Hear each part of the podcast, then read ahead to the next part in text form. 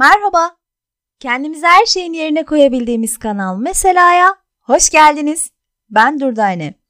Bu hafta Türkiye'nin üzerinde gerçek anlamda güneş batmayan şehri, tabiri caizse ki bence caiz, kış mevsiminin unuttuğu şehir olan güzel memleketim Mersin'den sizleri selamlıyorum.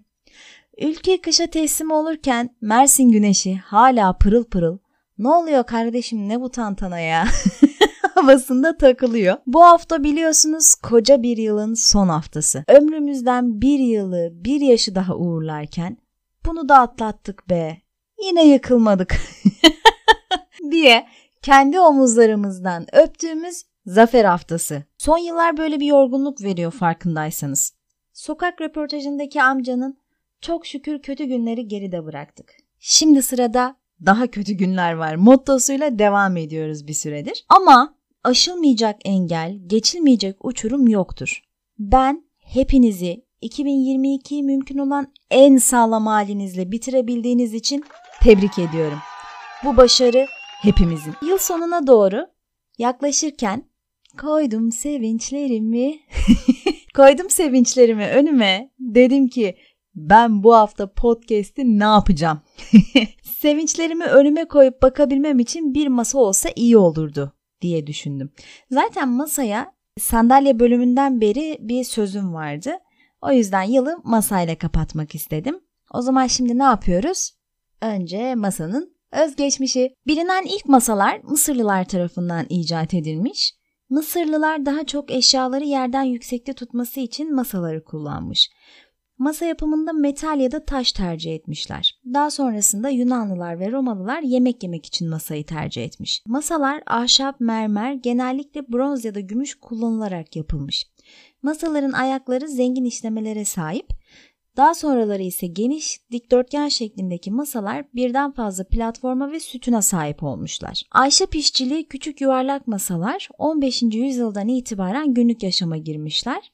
Gotik dönemde sandık kullanımı yaygınlaşmış ve bu eşya çoğunlukla masa olarak da kullanılmış. Yemek masaları ise ilk kez 16. yüzyılda kullanılmaya başlanmış. 17. yüzyılın ortalarına gelindiğinde mobilyaların çoğu mobilya yapan marangozlar tarafından inşa edilmiş. 17. ve 18. yüzyılların sonunda marangozlar dayanıklılık için kenetleme dişlerinin kullanımı da dahil olmak üzere kaplama, oyma ve ustalıkla bir araya getirilmiş heykel parçaları oluşturarak ince mobilyalar yapmaya başlamış. Oturarak yemek yemeye alışık olan Türk toplumunda ise masa kullanımı ilk kez 19. yüzyıla denk gelmekte. 19. yüzyılın başlarında makine üreticileri uygun fiyata cazip mobilyalar sunmaya başladı. Ahşap, su, buhar veya elektrikli testerelerle kesilmiş, mekanik olarak öğütülmüş, makineyle oyulmuş ve dekore edilmiş masalar sunulmaya başlanmış. 1980'lere gelindiğinde hemen hemen herkes artık ucuza bir masa sahibi olabiliyormuş. 20. yüzyılın başında masa tekrar değişikliğe uğrayarak laminant, plastik ve sunta gibi geleneksel olmayan malzemelerle herkes için daha da uygun hale getirilmiş. Bizi her anlamda taşıyan, yükümüzü hafifleten, etrafına toplayan evimizin olmazsa olmazı masa sizlerle.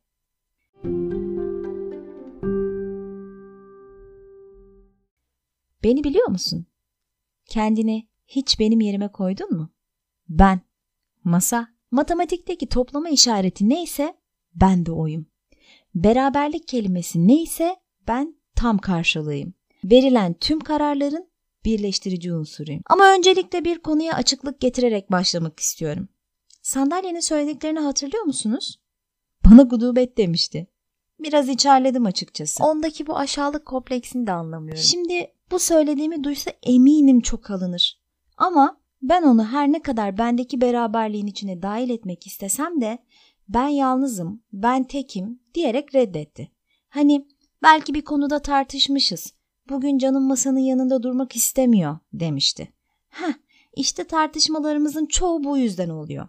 Sürekli tekilliği ifade ettiğini düşündüğünden depresif bir duygu içinde. Ben sadece bana karşı olumsuz bir algı oluşturduğu için belirtmek istedim gudubeti olan da ben değilim. En güzel yemeklere, en güzel sohbetlere, en güzel eğlencelere ve en önemli kararlara ev sahipliği ederim. Mesela çalıştığınız işleri anlatırken bile benimle tanımlarsınız. Masa başı iş. Yani hayatınızın büyük bir kısmında ben varım. Hiçbir şey yapmazsam Eşyalarınızı taşırım.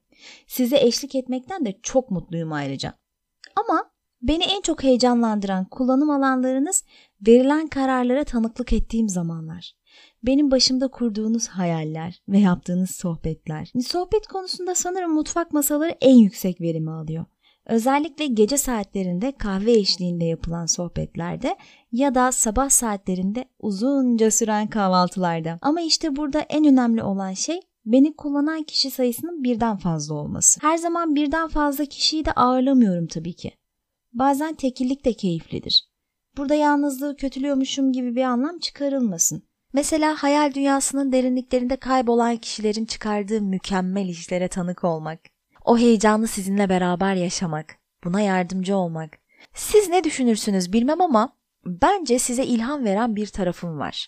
Benim üzerimde çalışırken daha ciddi ve daha yaratıcı oluyorsunuz.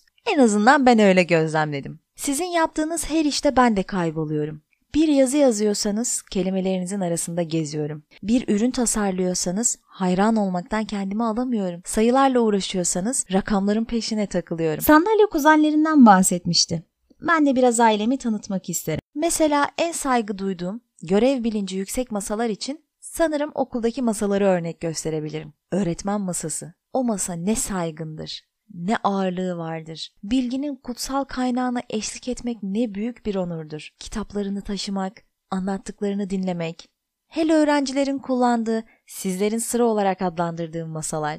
Hem çocuksu hem ciddi. Geleceği taşımak da kolay değildir. Ama ne aşklar görmüştür o sıralar, ne kopyalar yazılmış, ne hatıralar kazınmıştır. En unutulmaz anları taşımıştır. Çünkü çocukluğunuzu, ergenliğinizi, gençliğinizi, ailenizden çok o masalarda geçirdiniz. Sıkı dostluklar kurdunuz. Hayatı tanıma yolunda en önemli tecrübeleri edindiniz. Hatta bazılarınız öyle çok sevdi ki o masaları, ayrılmamak için öğretmen olup geri döndü tüm tecrübesini, bilgisini aktarmaya. İşte öyle kolay iş değil öğretmen masası olmak. Sadece kitap, defter taşımak değil yaptığı. Ustadan çırağa etkilemek ve etkilenmek arasındaki köprüyü kurup toplumun en önemli kurumu olan eğitimin sürekliliğini sağlamak. Çok derin, çok anlamlı. Sıralara kazınan aşklardan bahsetmişken nikah masasında es geçmeyelim. En büyük hayallerin kurulduğu, hemen hemen herkesin aynı heyecanla oturduğu, evetlerin anlam bulduğu masalar. Yeni bir hayatın başlangıcı. İki küçük dünyanın bir küçük dünya olmasına imkan sağlayan masalar. Aslında çoğu zaman en çok lanet okunan da masalar. Ümit Besen'in sevdiğinin nikahına çağrılmadığı için şahit olarak bile oturmayı kabul ettiği masanın yüceliğine nasıl lanet okunabilir gerçekten bilmiyorum. Nikah masasının kardeşi düğün masalarıdır. Masaların en eğlencelisi, en şen şakra. Üzerinde kuru ve yaş pastası, çerezleri ve limonatası. Onu düşününce aklıma bir taraftan kuru pastasını ağzına tıkıştırırken bir taraftan da alkışla tempo tutup omuzlarıyla dansla eşlik eden bir insan canlandırıyorum. Dünya umrunda değil düğün masasının. Eğlencesi hep yerinde. Bir de spor masaları vardır. Mesela satranç masası, bilardo masası, tenis masası gibi. Masalar aleminin en stratejik, en hamleli, aynı zamanda en tehlikeli masalarıdır. Onların üzerinde her daim beyin fırtınası eser. Bu masalar anda çok fazla kalamazlar. Hep önden giderler. Düşünmeden hareket edemezler. Bir adım atıncaya kadar beş adımı çoktan atmış, hesaplamış ve tüm bunları yaparken bir beş adım daha atmış olurlar aslında. Bunun çok yorucu olduğunu düşünüyorum. Ama onlar aksini savunarak her masanın asıl yaşam tarzının böyle olması gerektiğini düşünüyorlar. Kendince haklılıkları vardır tabii ki. Ben ise bir yemek masasıyım. Hani salonunuzda ya da oturma odanızda bulunan her çeyizin olmazsa olmaz parçası. Çok kullanımlı bir yönüm var. Hatta memuru getirebilirseniz nikah masası bile olma ihtimalim var. Kalabalık yemekler verildiğinde tabak, bardak, çatal seslerine karışan kahkahaların sonsuza dek kölesi olabilirim. Ama dediğim gibi yemek masası olmama rağmen sadece yemeklerinizi taşımıyorum. Küçük bir insanın ödevlerini yapmasına, doğum günlerinizi kutlarken aldığınız yeni yaşlara ve yaşanacak olan yeni yılınız için dilediğiniz dileklere, yani bir oda içindeki tüm hayatınıza tanık olurum. Şu ana kadar bir sürü şey söyledim ama Edip Cansever bir şiire sığdırmıştı tüm hissettiklerimi ve şöyle demişti. Adam yaşama sevinci içinde masaya anahtarlarını koydu. Bakır kaseye çiçekleri koydu. Sütünü, yumurtasını koydu. Pencereden gelen ışığı koydu. bisiklet sesini, çıkrık sesini, ekmeğin, havanın yumuşaklığını koydu. Adam masaya aklında olup bitenleri koydu. Ne yapmak istiyordu hayatta? İşte onu koydu. Kimi seviyordu, kimi sevmiyordu. Adam masaya onları da koydu. Üç kere üç dokuz ederdi. Adam koydu masaya dokuzu. Pencere yanındaydı. Gökyüzü yanında. Uzandı masaya, sonsuzu koydu. Bir bira içmek istiyordu kaç gündür. Masaya biranın dökülüşünü koydu. Uykusunu koydu, uyanıklığını koydu, tokluğunu, açlığını koydu. Masada masaymış ha. Bana mısın demedi bu kadar yüke. Bir iki sallandı durdu. Adam ha babam koyuyordu. Benim sizin hayatınızda eşlik ederken yaşadığım bir güçlük yok.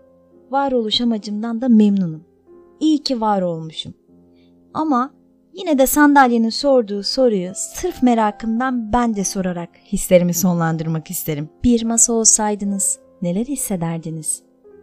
Siz hangi masa olurdunuz?''